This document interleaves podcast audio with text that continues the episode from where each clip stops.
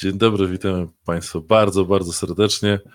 Ja nazywam się Mateusz Szukajt i to jest Gamecast, gośćcast, edycja specjalna, bo po Gamescomowa, więc, więc na pewno jest wyjątkowa. I takowy już jest nasz dzisiejszy gość, e, Szymon, mm, The Ghost Runner Man, myślę, że tak możemy cię nazwać, e, prezes e, Level i człowiek chodząca legenda, y, papież y, game devu. Myślę, że chyba całkiem znana w miarę postać w, w polskim game devie, bo też i Ghost Runner zrobił całkiem fajne zamieszanie. Witam Cię Szymon. Cześć, co to Dzień dobry, dzień dobry, cześć. Co u mnie? Słuchaj, no generalnie y, trochę regeneruje się wciąż po, po Gamescomie, jak zapewne i Ty trochę, plus wiesz co, no nadrabiam zaległości, a jednocześnie czytam to tam media piszą o tym naszym Ghostrunnerze oczywiście, no bo to jest teraz y, główny motyw naszego zawodowego funkcjonowania. No i dziękuję za tak miłe przedstawienie. Myślę, że y, aż za nadto miłe, ale miło mi i tak, czy inaczej. Tak, y, Szymon Bryła, żeby nie było, bo zapomniałem nawet wyznaczyć. My jesteśmy Szymonem, Wel Szymonem, więc, więc jakby to Dobrze, to. dobrze, spoko. Znamy się lat tam parę, myślę, że w 14 lub 15 na, na, tak, na tak, tak. Digital Dragons mieliśmy okazję się poznać. E, myślę, że byłoby dużo łatwiej się porozumieć, gdybyśmy od razu wymienili się swoimi ulubionymi zespołami e, NBA. E, to, to, to, to myślę, że albo byśmy od razu, dobra, koniec znajomości, nie znamy się, nie lubimy się. Także tak, zauważyłem, że to dosyć chyba popularny trend, że wśród game devowców branży growej mm, sporo jest fanów koszykówki. Tak, myślę, że tak. Chyba, tak. chyba to taki no, specyficzny trochę y, motyw, nie wiem, czy w którejś branży jest przewaga jakiegoś tam innego sportu niż, niż piłki nożnej, ale, ale co któraś tam osoba jednak y, w koszykówce siedzi, tak, więc... Y. Tak, tak, no generalnie wiesz, tak się składa, że Radek Zratusznik, z którym współpracuję i prowadzimy One More Level, też jest dosyć dużym fanem koszykówki, więc to był też jeden z tematów, które gdzieś tam zawsze sobie e, omawialiśmy i omawiamy podczas sezonu. Tak, tak. zresztą wiesz, na tych e, eventach Game Dev Evening, no to regularnie tam coś wiem, że się dzieje związanego z koszykówką, także no ten trop jest no, właściwy, nie? nie? Czemu nie gracie w ogóle, no więc... Znaczy, bym zarobieni jesteśmy cały czas. tak, Mhm, tak, tak. Ale dobra, słuchajcie, jeszcze wracając do jakby oficjalnej części, e, chciałbym, żebyśmy dzisiejszy odcinek, e, dzięki, że jesteś i fajnie, żebyśmy mogli sobie podsumować oczywiście Gamescom, który niezwykłym wydarzeniem na pewno był, mm, ważnym i też dla branżonia, tak po prostu, globalnie, myślę, nie, nie tylko dla naszej branżuni e, lokalnej. Mm, na pewno chciałbym chwilę pogadać o koszykówce, ale nie wiem w którym momencie, żeby nie, nie, nie zepsuć miłej atmosfery, e, bo może, może ktoś tu nie jest fanem Lakersów, nie wiem dlaczego, ale to zaraz o tym sobie porozmawiamy. Mm, I pewnie chciałbym też, e, Szymonie, dotknąć Twojej historii, bo każdy z w ogóle mało miałem devów jako, jako devów, czy, e, czy, czy, no właśnie, bo ty jesteś devem, w sensie devujesz, nie devujesz chyba, co? Nie, per se nie siedzę per centralnie okay. przy, przy produkcji, natomiast gdzieś tam y, wspieram tą produkcję na tyle, na ile mogę różnymi ruchami, nazwijmy to strategicznymi i tak dalej, i tak dalej. No okej, okay. czyli się wpisujesz w taki mój trend y, gość kastowy, w którym, w którym bardziej rozmawiam z ludźmi y, branżuni growej, ale nie będące stricte devami, więc, e, więc rozmawiamy bardziej o perspektywie biznesowej, czy marketingowej, czy, czy gdzieś tam publisherskiej, e, ale bardzo chętnie bym porozmawiał o twojej drodze też karierze, e, mhm. jak, się, jak się rozwinęła, mm, więc zachowujemy absolutnie, wiesz, chaotyczną formę, Dobra, nie, nie, trzymamy się żadnego planu, więc dlatego od razu zacznijmy od, z grubego C. Dlaczego nie lubisz Lakersów? No, jak, jak to jest możliwe? Dlaczego nie lubię Lakersów? Wiesz co, jak, jak można razie... nie lubić, jak można nie lubić Lakersów, bo Kobe, który był faktycznie, epoka Kobiego trwała od późnych lat 90. do, no nie wiem, którego, 11 roku, tak powiedzmy, plus minus? Tak, tak. Wiesz co, no po pierwsze Kobe Bryant tam w 2009 9 e, roku ograł e, Orlando Magic do, do zera, e, którym kibicuję od 1994 roku, więc tutaj jest pierwszy powód. Kolejny jest taki, że ruchy kadrowe w ostatnich latach podyktowane, że tak powiem, ściągnięciem LeBrona Jamesa, który nie jest moim ulubionym koszykarzem, tylko bardziej takim instytucją, sprawiają, że jakby no nie jest to mój topowy klub, ale żeby nie było, doceniam, że w ostatnich latach pojawiło się tam kilku ciekawych zawodników, a w ostatnim sezonie ten niezwykły gościu Austin Rivers, tak, widziałem go bardzo na żywo. fajną robotę. Widziałem A. go na żywo w Los Angeles podczas GDC, także, także zrobił O. robotę, tam chyba nawet jakiegoś alejupa walnął do, e, do Antoniego Davisa, także No, no więc słuchaj, to nie jest tak, że, że, że wszystkich nie lubię, ja po prostu mam problem zasadniczo z jednym zawodnikiem i z faktem, że przez ostatnie lata Lakersi dla mnie taka organizacja mocno bardziej marketingowa aniżeli sportowa. kiedykolwiek nie Nie. była? Wiesz co, yy, wiesz, jest ten, ten serial na HBO teraz, Dynastia. Tak, wiem, jest, bardzo- to nie chcę, jeśli ktoś ma ochotę, to polecam e, Lakersowe dy- Genialny. Dynastia na HBO. W ogóle to była pierwsza rzecz, którą chyba zrobiłem do domu zaraz po tym, jak tylko dałem buziaczka żonie i dzieciom i pogłaskałem psa, a potem poszedłem oglądać Lakersów, e, nadrobić odcinki, także...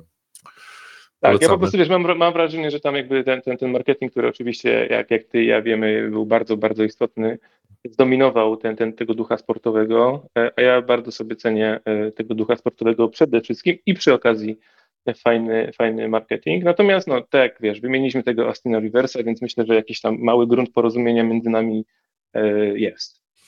Od Dobrze, czego trzeba zacząć?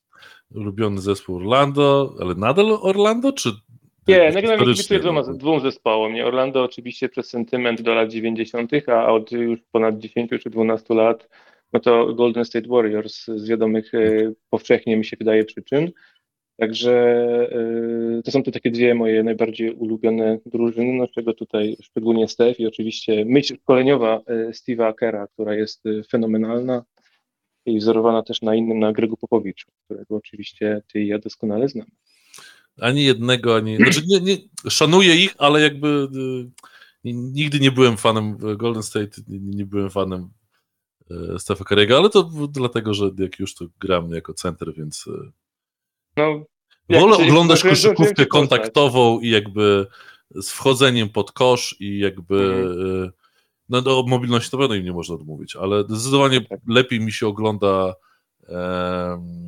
wjazdy pod kosz niż e, pięknie rzucane trójki. Jakkolwiek by nie były piękne, jakkolwiek ich dużo by nie było, bo zmieniły sport, ale powiem szczerze, że parę razy też gdzieś tam takie e, no, słyszałem e, argumenty od tam e, Colina Herda, którego dosyć często zdarzało mi się słuchać. Mhm. I on wprost mówił, że trochę ta trójkowość zabierała pewien, pewien fan e, z koszykówki kontaktowej, gdzie Tak, tak. centrzy zamiast się fokusować nad tym, jak mają grać swoją fizycznością i to wykorzystywać, no to siedzą i trenują rzucanie trójek, tak? Bo okazuje się, Tak, że, to prawda. że, że, I wiesz, generalnie ta, przez to ta koszykówka europejska robi wrażenie bardziej zaciętej, bardziej takiej walecznej, nastawionej na obronę i no to i to, to, to widać. Że, no słuchaj, i tu i tu na obu kontynentach sport jest ten niezmiennie bardzo fajny, a w moim wypadku mój ulubiony, więc to jest, to jest chyba kluczowe, żeby się dobrze tym bawić. No i tak jak Luka Doncic mówił, e, on bardziej woli Euroligę oglądać, bo jest ciekawsza niż NBA, e, taki standardowy mecz i no i jednocześnie nadal, zobaczymy czy w tym roku to się zmieni, ale, ale gdzieś tam na pewno ten zeszły to potwierdził, ale poprzedni chyba też, te, te, te dwa ostatnie sezony, to pierwszy raz, kiedy nieamerykańscy gracze, topowa piątka jest lepsza od tej amerykańskiej. Robię różnicę. Mhm. Więc, e, więc to jest duża zmiana. Mm, No i myślę, że ta epoka Lebrona już trochę minęła, tak? Tak jak e, epoka Kobiego się kończyła, jak, jak Lebron zaczynał się rozkręcać, tak teraz epoka Lebrona się skończyła. Nie wiem, czyja będzie ta epoka, ale nie wiem, czy ona będzie amerykańska. e, Wbrew. Mhm. Też, też tak myślę, że będzie bardzo zróżnicowana. Także tak. Przy kolejnym GDC musimy tam. Już jest tam wstępnie zacząłem rozmawiać z chłopakami, także musi być jakiś Dobrze. większy wyjazd na, na mecz, bo czy San Francisco, czy Los Angeles to. Chciałbym, No. chciałbym, liczę, że się uda.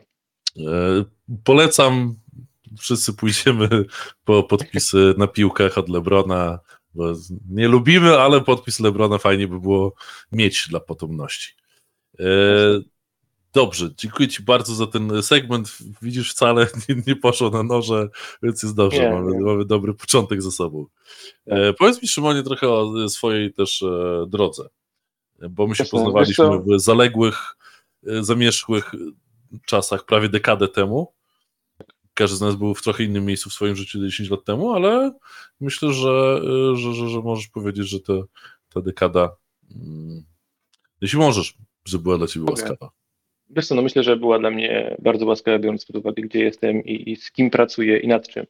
Natomiast moja historia, wiesz co, no ona się generalnie rozpoczęła od, od e, bycia takim felietonistą w Imperium Gier w wirtualnej Polsce, e, kiedy to prowadził jeszcze Krzysiek Augustyn i, i tam, że tak powiem, e, zaczynałem realizować się i dzielić swoją pasją do, do, do, do gier, a już gram chyba od ósmego roku życia, więc no już no, sporo, ponad 30 lat. E, no i później była agencja PR-owa, e, e, była kolejnym etapem, no i wreszcie gdzieś tam szukałem jakiegoś połączenia, wiesz co, między, między game devem a, a tym marketingiem, jakoś tak naturalnie się wszystko poukładało. No i miałem też szansę pracować od 2012, po tym jak już straciłem jakby pasję i miłość do pracy w agencji PR-owej zacząłem pracować. E, Dlaczego straciłeś tą pasją? Opowiedz mi o tej rzeczy, powiem ci szczerze. Wiesz to przez, przez klientów głównie. Jak się pracuje problem. w agencji PR-owej? O, powiedz mi teraz. E, powiedz to prawdę, niech wszyscy tobie, wiedzą. A tobie, jak, a tobie jak się prowadzi agencję PR-ową, mógłbym zapytać. Myślę, że jeśli się prowadzi, niż się w niej pracuje, to, to na pewno. -hmm. To muszę pogadać e... z Mateuszem drugim, co on na to. Tak, myślę, że Mateusz też to, też to wie. Tak, tak. E, nie, ale powiedz najpierw swoje, ja do tego się odniosę. Wiesz co, no generalnie e, to, dlaczego straciłem tą, tą pasję, było to, że e, no, tematy, które jakby trafiały do mnie, były dla mnie interesujące. Nie czuły, że mnie, wiesz, rozwijają, że dają mi satysfakcję. Ja tam oczywiście wykonywałem jakieś takie e, ruchy, żeby troszeczkę się tym game devem zajmować w ramach tej agencji PR-owej. Tam nawet mi się udało chyba w 2012 zorganizować taki panel w Krakowie e, dla PR-owców, dla PR-u krakowskiego, w którym pamiętam, że wtedy Piotrek Babieno wziął udział, Krzysiek Gonciarz, Tadeusz Zuber, e, wtedy z Reality Pump, z którym mam teraz przyjemność pracować w One More Level i kilka innych osób.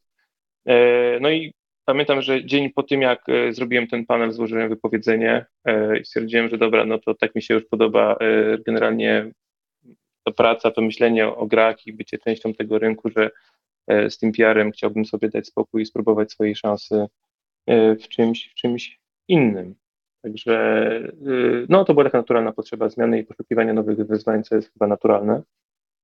E, no i co, trafiłem na swojej drodze zawodowej na Darka Żonę, e, z którym e, myślę, że dosyć pioniersko w 2012 roku zaczęliśmy się bawić w rozszerzoną rzeczywistość. Pamiętam, że tam był taki startup Suit R, tak to się mniej więcej nazywało, jeśli pamięć mnie nie zwodzi. Całkiem innowacyjny produkt, mający ten problem, że totalnie niegotowy, e, nieadekwatny do czasu, w którym e, ten pomysł, że tak powiem, się krystalizował. Darek miał świetny pomysł. Myślę, że teraz by o wiele lepiej to wszystko zagrało, bo i technologia, i rozwój sieci, i lepsza świadomość użytkowników, lepsza świadomość ludzi też, jak tworzyć takie gry free to play, etc., etc., byłoby to o wiele lepiej przyjęte, ale wówczas, czyli no już ponad no, 10 lat temu, to, to było bardzo trudne. W efekcie trochę popracowaliśmy, to była bardzo fajna praca, natomiast ona e, no, została zamknięta przez e, inwestorów z dnia na dzień niemalże, więc przychodzę sobie pewnego dnia i słuchaj Szymek, e, no na razie, papa. Natomiast to były bardzo udane miesiące, poznałem mnóstwo fajnych osób, z którymi do tej pory mam kontakt, którzy, którzy teraz nadal są w, w w różnych firmach, także Wspominam to niezwykle dobrze. Natomiast wtedy pierwszy raz się, wiesz, zetknąłem z takim okresem, takim zjawiskiem jak bezrobocie, w sensie to było jeszcze przed świętami. I wtedy ostatni raz y, w 2012 roku na jesień, nie, na, na zimę, przepraszam, y, byłem, byłem bezrobotny. I no nie było to przyjemne, przyjemne na pewno, natomiast y, no stwierdziłem, że dobra, no to podoba mi się, więc dalej będę coś tutaj szukał, kontynuował. No i właśnie podoba znajomości... mi się bezrobocie, dalej będę bezrobotny. No. Znaczy będę Tylko w game to, e, w game devie szukał czegoś dla siebie i oczywiście rozwijał się jakoś wykorzystując ten czas. Natomiast e, samo doświadczenie bycia bez pracy jest, jest bardzo, bardzo trudne, niewątpliwie. No ale co, do 2013 roku udało mi się jeszcze do krakowskiego oddziału Artifex Mundi dostać i tam E, nadal zacząłem się e, zajmować marketingiem. No i moja przygoda w Artifex Mundi trwała e, od 2013 do 2018, więc troszeczkę tego czasu spędziłem na różnych stanowiskach. I to był bardzo ciekawy, intensywny czas. No to Artifex Mundi pamiętam, że chyba w takim jakby piku swojej popularności miało chyba 170 czy 150 osób i bycie dyrektorem marketingu wówczas no, było bardzo dużym wyzwaniem, szczególnie, że Artifex był w stanie kilkanaście gier rocznie wypuszczać, bo to były te hopy i tak dalej, i one szły, szły taśmowo. I, i yy, było, było bardzo to intensywne, ale też fascynujące, po pierwsze, bo miałem możliwość budowania zespołu yy, i dobierania sobie ludzi i wtedy też się pojawiła taka pasja trochę do yy, szukania, budowania zespołów, yy, takiego trochę dowiadywania się, czym jest ten leadership, E, jak, jak kształtować komunikację zewnętrzną, wewnętrzną. I, i, I e, w tym naprawdę się dobrze odnalazłem i znowu miałem szczęście, że pracowałem e, z fenomenalnymi, ciekawymi ludźmi, którzy po tym, jak się, że tak powiem, rozeszliśmy z artefaktsami, do tej pory sobie wspaniale radzą w branży bądź poza nią.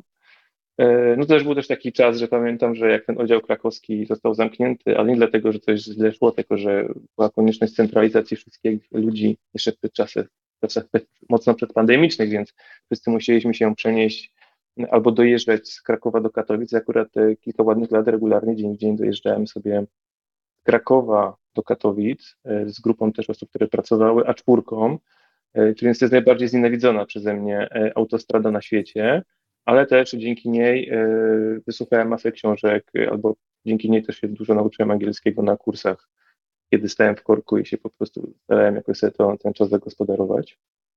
E, więc moja droga z, z Artifexami, no, ona dobiegła końca z końcem, z początkiem 2019 roku, samym początkiem. No, wydaliśmy razem chyba w sumie 50 gier w ciągu tych kilku lat, więc e, potężna ilość, no, acz to oczywiście były hopy. E, no i pojawiła się opcja pracy w Answer Studio z Łukaszem e, Hacurą nad, e, nad game deckiem.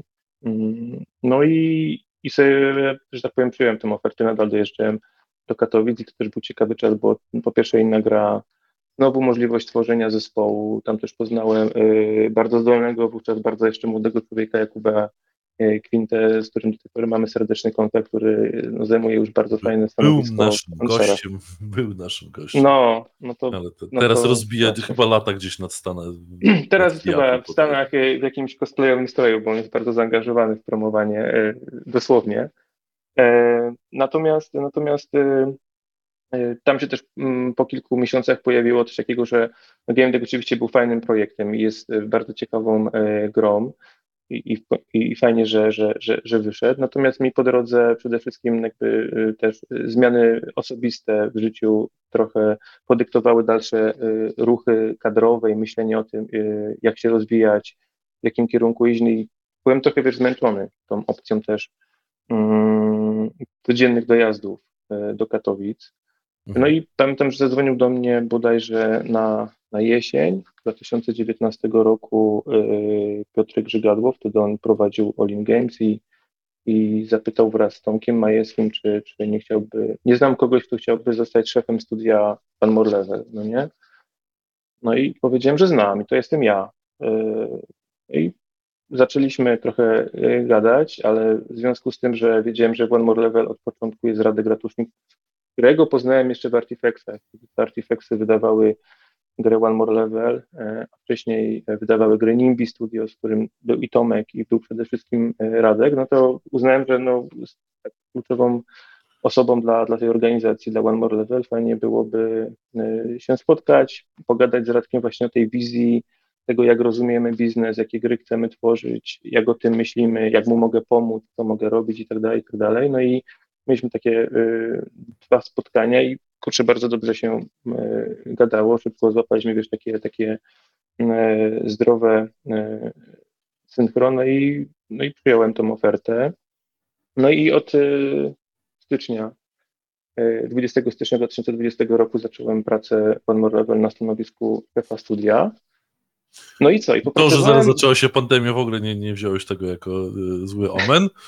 Więc... Nie, to w ogóle było ciekawe. Wiesz to stary, no, zaczynasz pracę na tak istotnym stanowisku, gdzie kluczowym jest to, aby poznać ludzi, widzieć tych ludzi, lepiej ich zrozumieć, te wszystkie procesy ogarnąć. Nie? To wtedy ta One More Level liczyło 27 osób. E, już wtedy Ghost Runner był e, w toku. No właściwie to wiesz, Ghost Runner też e, pierwszy raz go zobaczyłem w Kolonii w 2019, kiedy pracowałem w Anszarach i to było takie wow, nie myślę, kurde, ale chłopaki tam wysmażyli dziewczyny kawał świetnego projektu i trochę był ten jeden z powodów, dlaczego odpowiedziałem wtedy Piotrkowi Żygadle na, na pytanie, dlaczego ja, nie, dlaczego chcę i dlaczego jestem zainteresowany.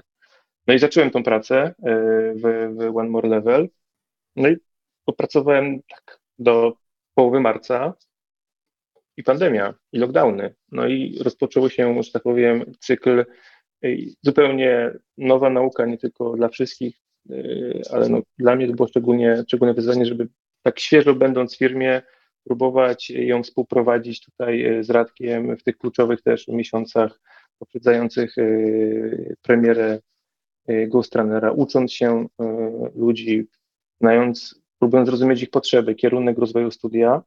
I to nie było łatwe y, zadanie, ale szalenie y, ciekawe, no bo to musiałem się dostosować do tych trudnych, lockdownowych, pandemicznych, nazwijmy to, y, warunków i, i no i daliśmy radę, nie?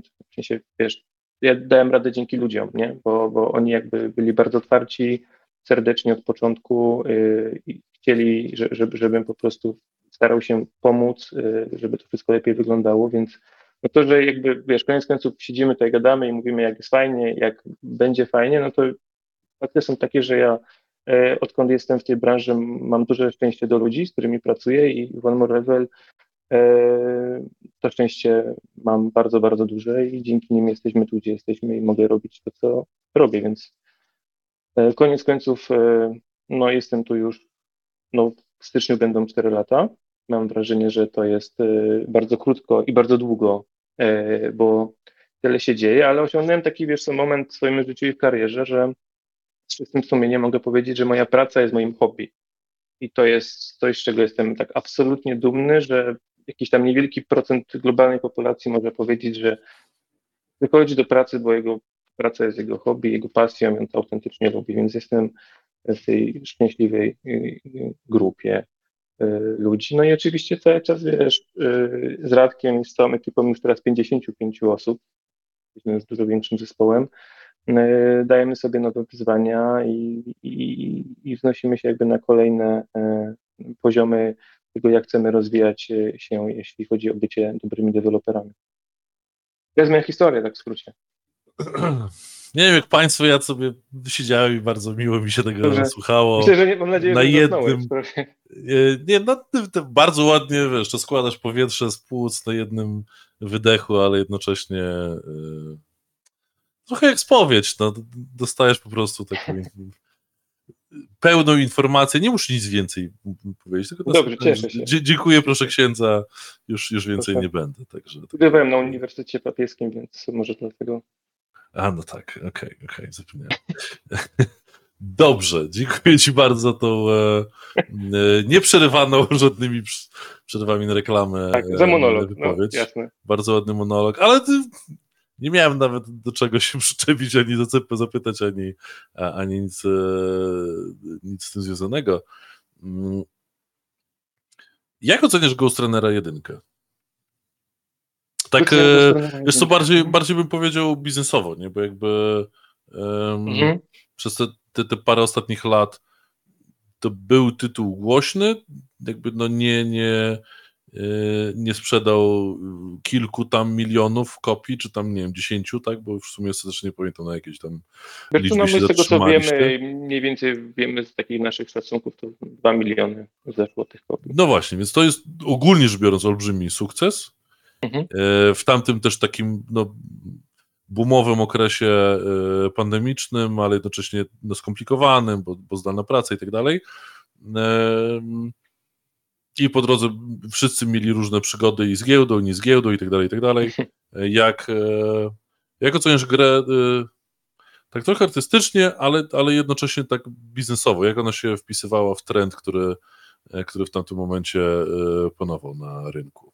Mhm. No wiesz co, no generalnie e, jak myślę, że obaj wiemy i myślę, że na pewno sporo osób, 2020 rok był takim ogólnie rokiem cyberpunkowym. Nie mam na myśli tylko naszej gry, czy gry od CD Projektu, ale też Pamiętam, że był e, ten serial e, kilka lat wcześniej Węgiel modyfikowany na Netflixie i, kilk, i ten trend cyberpunkowi się utrzymywał. On oczywiście był wzmacniany i napędzany przez CD Projekt. Też my z Radkiem w różnych rozmowach z mediami nie ukrywaliśmy, że generalnie chcieliśmy mieć trochę swojego cyberpunka i chcieliśmy wystawić naszą wizję i naszą formułę na ten gatunek, bo to nie jest tak, że, że cyberpunk należy tylko do CD Projektu, to jest jakby dobro globalne i, i, i chcieliśmy je poeksplorować. W ogóle nie wydaje ci się, że nazwa gry cyberpunk jako cyberpunk e, ja wiem, że system, co nie, mhm. ale jakby tak jak się bliżej temu przyjrzeć, to nie wiem, czy ktoś miał w CDP o tym rozmowę, ale jak, jak mhm. ktoś do mnie przyszedł, słuchajcie, robimy grę, e, no bo Cyberpunk 2077, czy 2020 i tak dalej, ale, ale mhm. nazwijmy ją mhm. Cyberpunk i, i, i 2077. To jako taki business decision maker bym powiedział, ale dlaczego? W sensie nie, nie możemy tego nazwać jakoś ciekawiej, jakoś, nie wiem, jakiś dać tam przymiotnik, czy, hmm. czy w sensie nazywamy grę faktycznie gatunkiem e, artystycznym, nie? Tam rok jakby tak, trochę tak. dodatkiem. Nie? Wiesz co, ja trochę w opozycji bym o tym myślał e, do tego. Ja bym myślał o tym, że to jest taka e, śmiałość i pewność na tej zasadzie, okej, okay, E, podejmujemy rękawice i zagarniamy cały tort dla siebie i, i robimy co się da. Więc z jednej strony tak, mogła być taka rozmowa, jak, jak, jak sugerujesz, z drugiej strony spodziewam się, że po tym jak oni z twórcą samego systemu RPGowego oficjalnie się jakby podpisali, to uznali, ok, yy, gramy all-in i, i, i wchodzimy w to bardzo mocno. I z tej perspektywy marketingowej, komunikacyjnej, wizerunkowej, w mojej ocenie to był strzał w dziesiątkę, bo teraz wiesz, tak. jak e, pamiętam, jak wielokrotnie ludzie, którzy nie grają w gry, nie są związani e, z branżą, pytają się, czym się zajmujesz i tak dalej, no i, to, i mówisz, pracuję przy, przy, przy grach, robię gry wideo, etc., etc., no to aha, czyli takiego tam, tego, takiego żółtego, tego cyberpunka albo tam tego Wiedźmina i tak dalej. Więc CD Projekt opanował bardzo dobrze zagarnienie tej świadomości kształtowanie e, tych trendów, jeżeli chodzi o rozumienie e, rynku, więc dobrze dla nich. No, Natomiast... najlepiej być pierwszym, tak? Albo, tak, tak, tak. Albo najtańszym. My stwierdziliśmy, wiesz, stwierdziliśmy, że my stwierdziliśmy, że wie, że my, okej, okay, no pierwszymi nie będziemy, ale y, pokażemy coś mega charakterystycznego i, i, dużo bardziej innego niż, niż, niż oni. Oczywiście mówimy tutaj o wiesz, zespole 27 y, osób versus wtedy nie wiem, ile mógł liczyć się CD Projekt 500, 600, nie mam pojęcia, więc zupełnie inna skala, ale pod względem jakby y, produktowym, y, biznesowym, wizerunkowym i artystycznym Ghost Runner nadal y, się mega bronił bardzo dobrze wciąż broni. Wiesz, my teraz w horyzoncie już kampanii dwójki, która się na dobre rozpędziła i jeszcze będzie, mam nadzieję, myślę, przyspieszać. Widzimy, że wiesz, na Steam Database tam po kilkaset osób gra, kiedy pojawiają się jakieś bity marketingowe dotyczące dwójki. To jest, mówimy o grze, która wyszła no, trzy lata temu, więc jakby widzimy ten good marketingowy, widzimy formułę, którą One More Level wypracowało, unikatową dla, dla, dla mm, tego gatunku, więc jakby, wiesz, ten taki swój y, przytułek y, mamy. I teraz y, w drugiej części go będziemy oczywiście rozwijać i pokazywać naszą wizję dalszego rozwoju, czy też jak często mówiliśmy, ewolucji.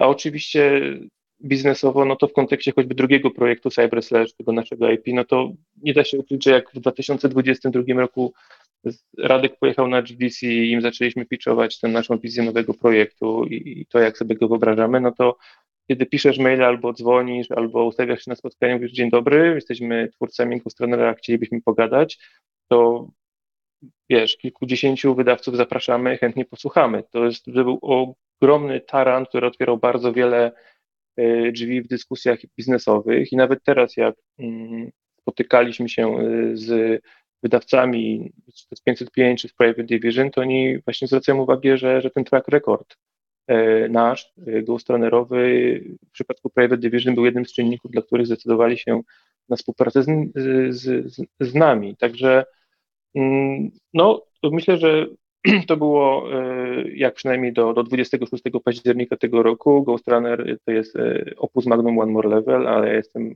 bardzo mocno przekonany, że Ghost Runner 2 e, jest jeszcze większym dziełem naszego zespołu. Jasne. A powiedz mi, bo o tym rozmawialiśmy, mam nadzieję, że mogę zdradzić, ale, ale, ale hmm? czy jak ktoś Ghost Runner ma lepszą akcję niż Cyberpunk, więc o co kruczymy cyberkopię. Yy, tak, więc okay. mamy czat, ja będę go czytał. Um, ale pytanko o właśnie te porównania, bo rozumiem, że one e, regularnie następowały, czy, czy media, czy, czy gdzieś tam w ogólnych partnerowych biznesowych dyskusjach.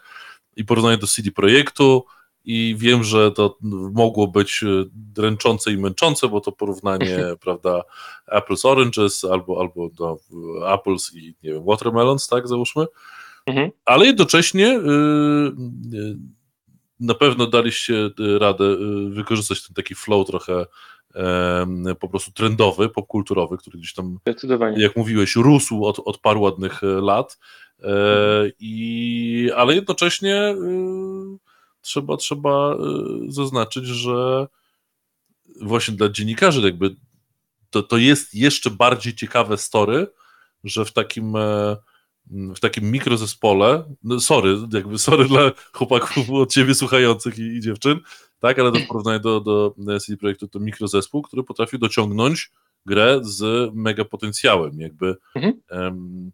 też to sobie rozmawiamy z innymi gośćmi o, o raporcie, o, o rankingu Forbesa, tak, i mamy tam kilka tych dużych firm i potem kilkanaście, jak nie kilkadziesiąt, które robią e, w 10 razy mniejszy zespół albo 20 mhm. razy mniejszy zespół, który robi grę, która no, może nie konkuruje na poziomie, że wy sprzedacie 18 milionów, a my 20 milionów kopii, tylko i my, i wy sprzedamy miliony kopii, to będą tak naprawdę duże pieniądze, E, jakby rywalizujecie na, na, na takim no, zauważalnym poziomie. To, to jest jakby sukces e, sam w sobie. E, trochę mi osobiście, bo zawsze tak gdzieś o tym mówię na, na mhm. podcastach, na gośćkastach, czego mi brakuje?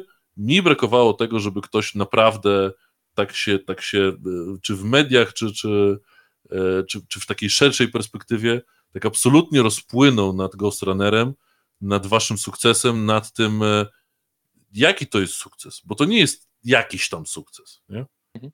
To nie jest, że to się przydarzyło po prostu, ten milion czy dwa miliony kopii, tak? Tylko to jest historia, w której e, studio robi bo, bo swój taki full, full on e, e double A, double A plus tytuł i, i robi to z takim naprawdę walnięciem w dosyć trudnych covidowych warunkach, z, mówię, z mikrozespołem, ale jednak utalentowanym, jakby osiąga mega sukces. To, to, to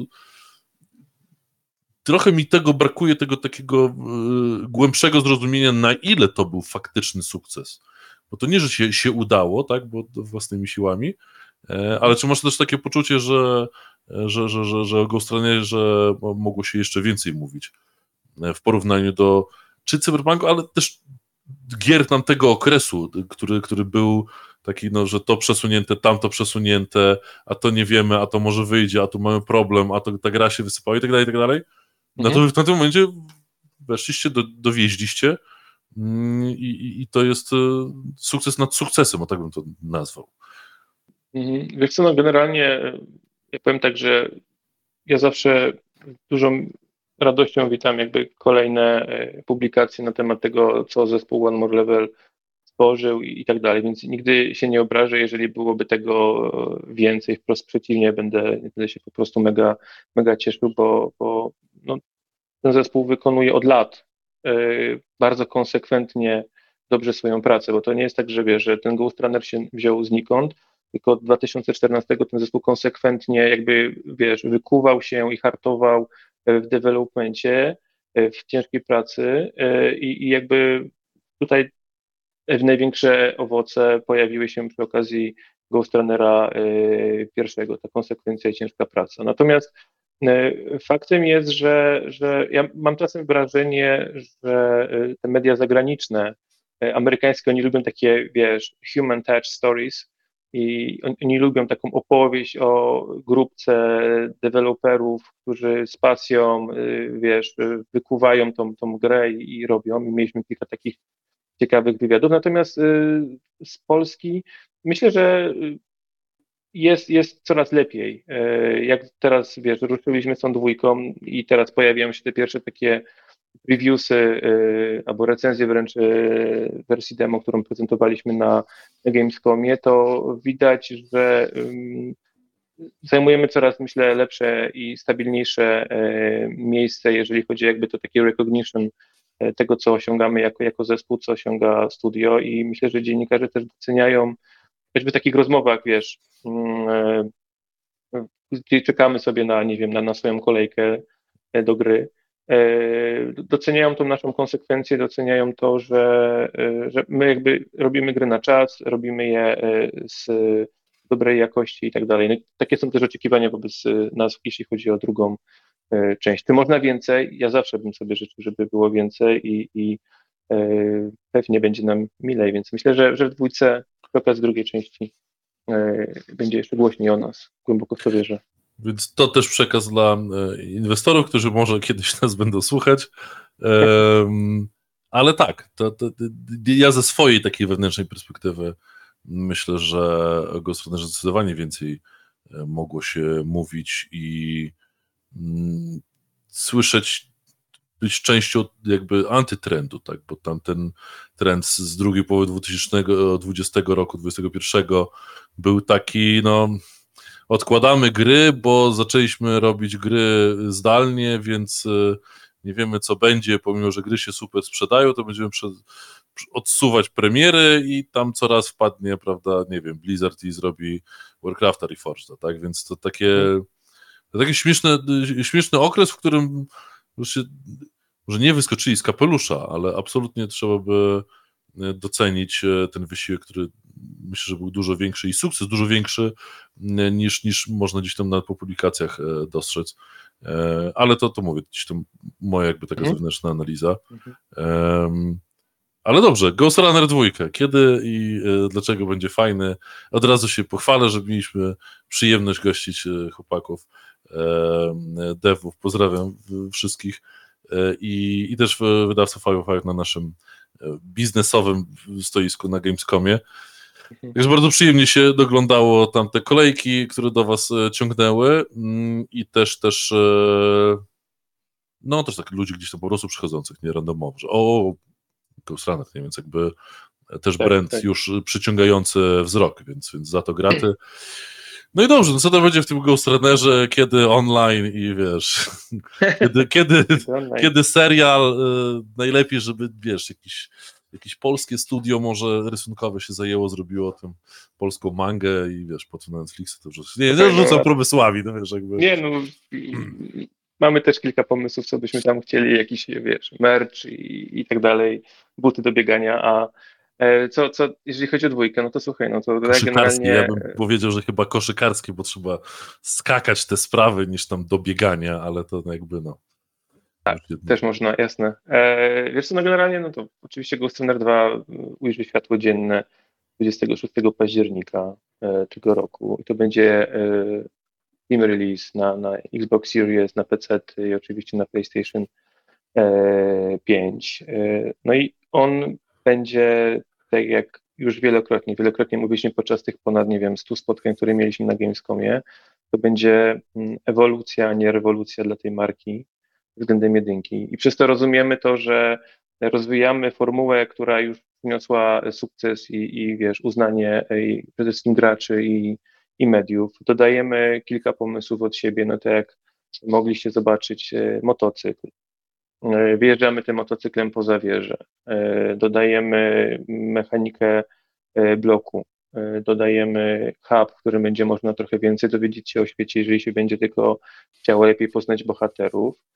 I to jest tylko oczywiście część rzeczy, które do tej pory została ujawnione, bo mamy jeszcze tam kilka fajnych asów w rękawie e, do tego października, ale już teraz e, mamy... Od razu proszę Ci wejdę w słowo. No. Czy się nie boicie tego tej krótkiej premiery?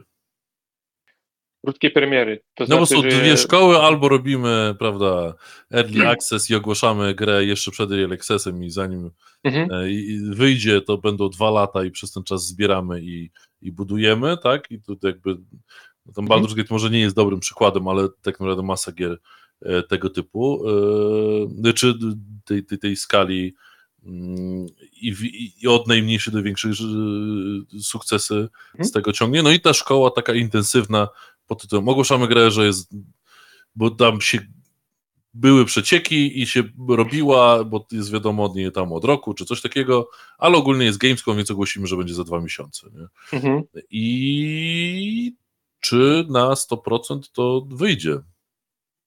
Co, no ja mam duże nadzieje i ufność, e, w, jeżeli chodzi o pracę wydawcy. E, my staramy się na tyle, na ile możemy, ile mamy czas wspierać 505 w, w tych działaniach promocyjnych. My się oczywiście skupiamy na developmencie przede wszystkim. Natomiast e, wiesz, ja osobiście uważam, że ten rok kalendarzowy niewątpliwie jest trudny. Jest mhm. jednym z najciekawszych, najlepszych ale dla wydawców na pewno jednym z najbardziej wyzywających. Natomiast wiesz co, no, Ghost Runner ma tą przewagę nad innymi grami, szczególnie tymi, które mają się pojawić, pojawić w październiku, że jest bardzo charakterystyczną grą. Tak. Ten competitive landscape w naszym wypadku daje nam takie poczucie, że ok, tutaj w tym okresie nie ma jakiegoś bezpośredniego rywala, no bo ta formuła jest sama przez siebie. Największym rywalem dla Ghost Runner 2 jest Ghost Runner 1, tak de facto. Oczywiście nie mówię tutaj o, wiesz, jakiejś e, atencji mediów i jakichś reklamach Spider-Manów i tak dalej, ale mówię o y, samym produkcie, więc ja akurat nie postrzegam y, ze względu na grupę docelową y, i na naszą grę jakichś znaczących obaw dotyczących daty, daty premiery, dlatego w tym kontekście i w kontekście tego całego roku uważam, że akurat pojawienie się na, na Sony Showcase było bardzo fajnym takim startem. No wiesz, myśmy byli jedyną polską grą, która została wtedy zaprezentowana i trochę to tak nie wybrzmiało, jakbyśmy sobie tego życzyli, ale takie są fakty. No i teraz ten. Nie, bo teraz wiesz, że jesteśmy w tej takiej trochę mrocznej serii, w której e, kilka polskich gier e, no nie zaliczyło najlepszej premiery, tak? Akurat może Force hmm. jest e, jakimś tam wyjątkiem, ale, ale też jakby bumpy pierwszy dzień w perspektywie recenzji. Mhm. I, i to właśnie się zastanawiam, czy to jest kwestia jakiejś tam trochę zadyszki, no każdy case to, każdy, to, to, to inny mhm. problem i się zastanawiam, czy, czy tutaj ta krótka premiera, mm, czy okres premierowo, tak to nazwijmy, mhm. mega intensywny i, i krótki czasowo. Wiesz co, y, ja o tym myślę, staram się to powiedzieć mega pragmatycznie, na tej zasadzie, że wiesz, ta atencja odbiorcy y, w tym roku no, ma bardzo małe okno y, czasowe i tak naprawdę trzeba co chwilę podskakiwać i wybierz mnie, wybierz mnie, drogi, drogi graczu, drogi, drogi dziennikarzu i tak dalej. I, I myślę, że jeżeli byśmy zrobili to zbyt wcześnie, to ktoś by mógł trochę już o tym zapomnieć albo stracić takie zainteresowanie.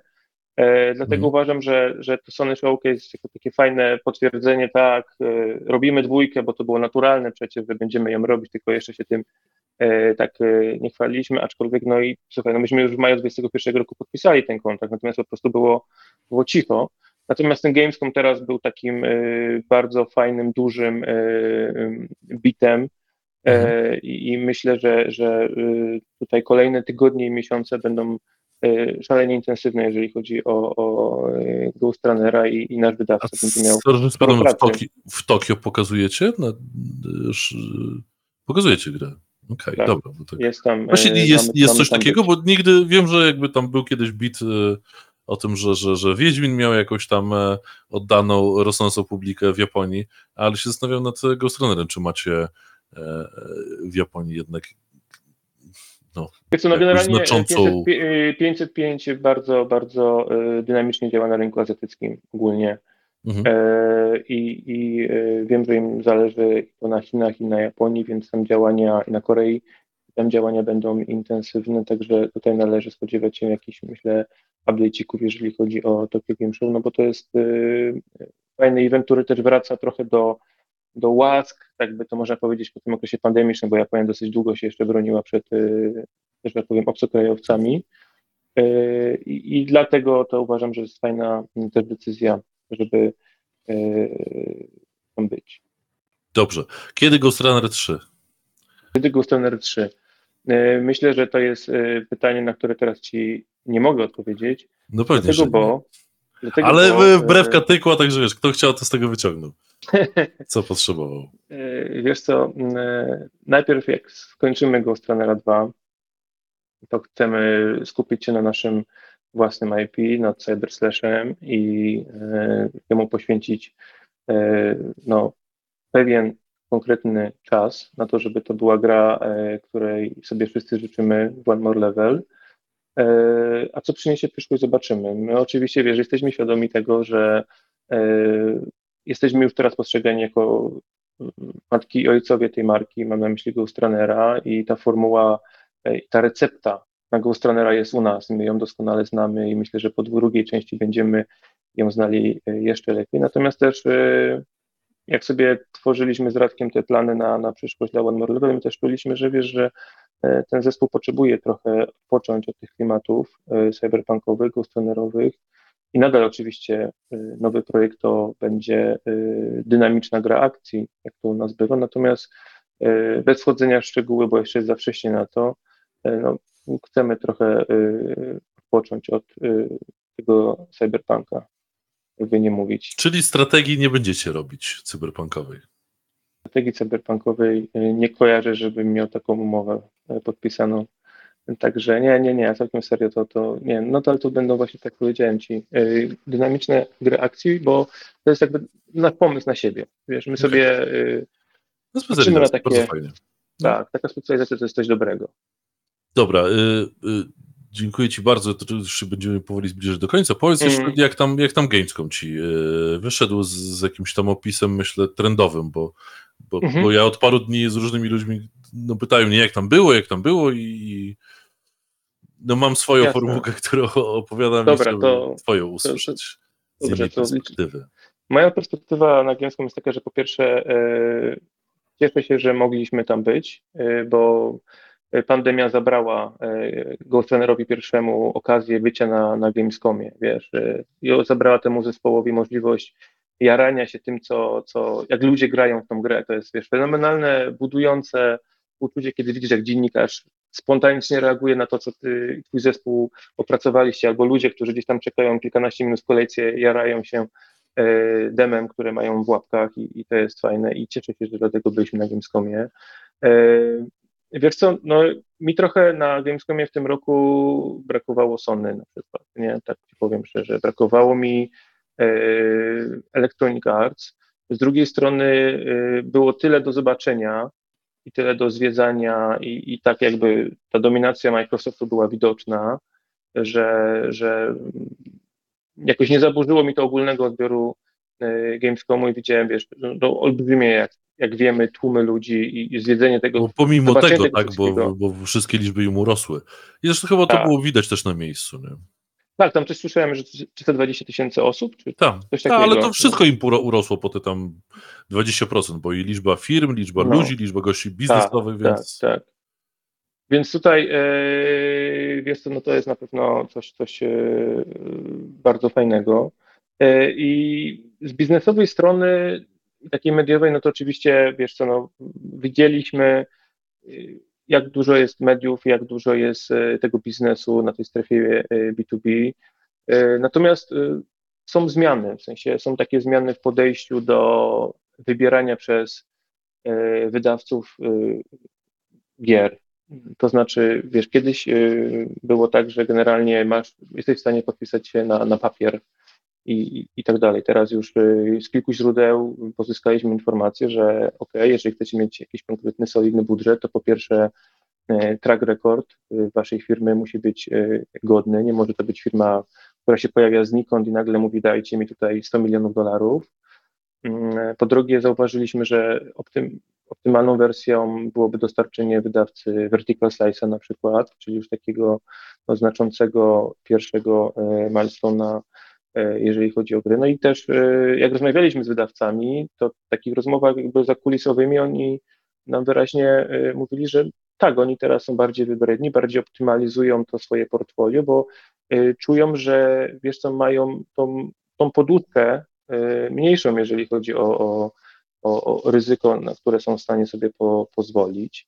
Więc jesteśmy, myślę, w takim okresie, gdzie i deweloperzy muszą się bardziej um, naginać, starać, e, myśleć o tym, jak tą grę spiczować, jak ją sprzedać, jak ją, wiesz, opracować, a wydawcy też bardziej e, liczą tą kasę, stają się coraz bardziej też e, wybredni, wymagający, bo widzą, że tych gier jest multum, no i tak naprawdę ich zadaniem jest wybranie tej, która ma szansę zrobić robotę na rynku. No właśnie, y, jest kryzys publisherów, czy nie według Ciebie? Myślę, że jest e, etap e, optymalizacji. Czy to jest kryzys? E, myślę, że nie. W oparciu o te rozmowy, o których Ci mówię, nie usłyszeliśmy jakiejś takich powszechnej opinii, że jest kryzys, natomiast jest trudniej, a to ogólne trudniej jest redukowane poprzez optymalizację portfolio i bardziej wymagające procesy, jeżeli chodzi o dobieranie tych gier, które mają się w tym portfolio znaleźć i poszukiwanie y, deweloperów, którzy no już mają pewne doświadczenie i, i, i konkretną wizję. I dlatego na przykład no, y, cieszę się, że One More Level jest y, tam, gdzie jest. Jasne. To jeszcze na koniec powiedz, jak tam ogólnie naszą y, polską branżę nie widzisz, bo też y, bo, bo ostatnim parę odcinków na tym się gdzieś tam skupialiśmy, bo prawda i ten mhm. ranking e, Forbesa i podsumowanie zeszłego roku gamedevowego. Mm. Co, co tam u ciebie? Co, co myślisz o e, polskiej, polskiej branży, gdzie jesteśmy i, i w którą stronę zmierzamy? E, wiesz co?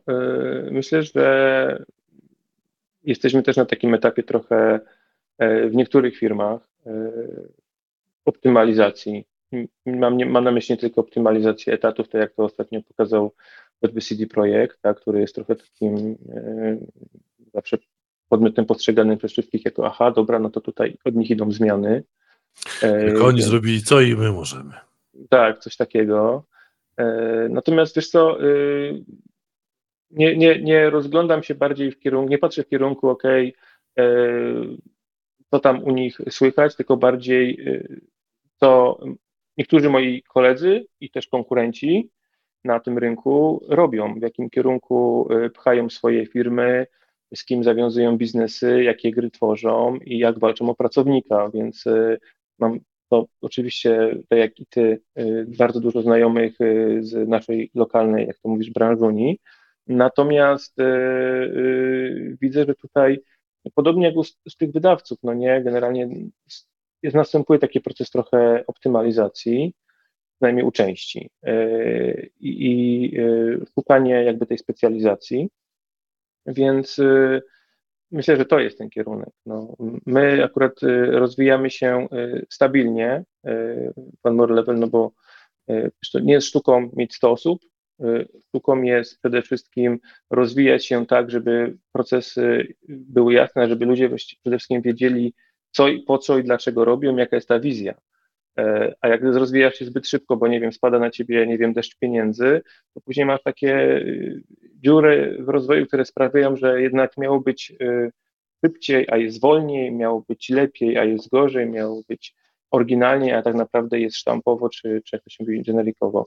E, więc trochę patrzę na takie przykłady problematyczne i staram się mm, patrzeć, jak chronić One More Level przed e, takimi e, niepożądanymi zjawiskami. Okej. Okay. Dobrze, wiem, że e, chciałeś, żebyśmy troszkę wcześniej skończyli.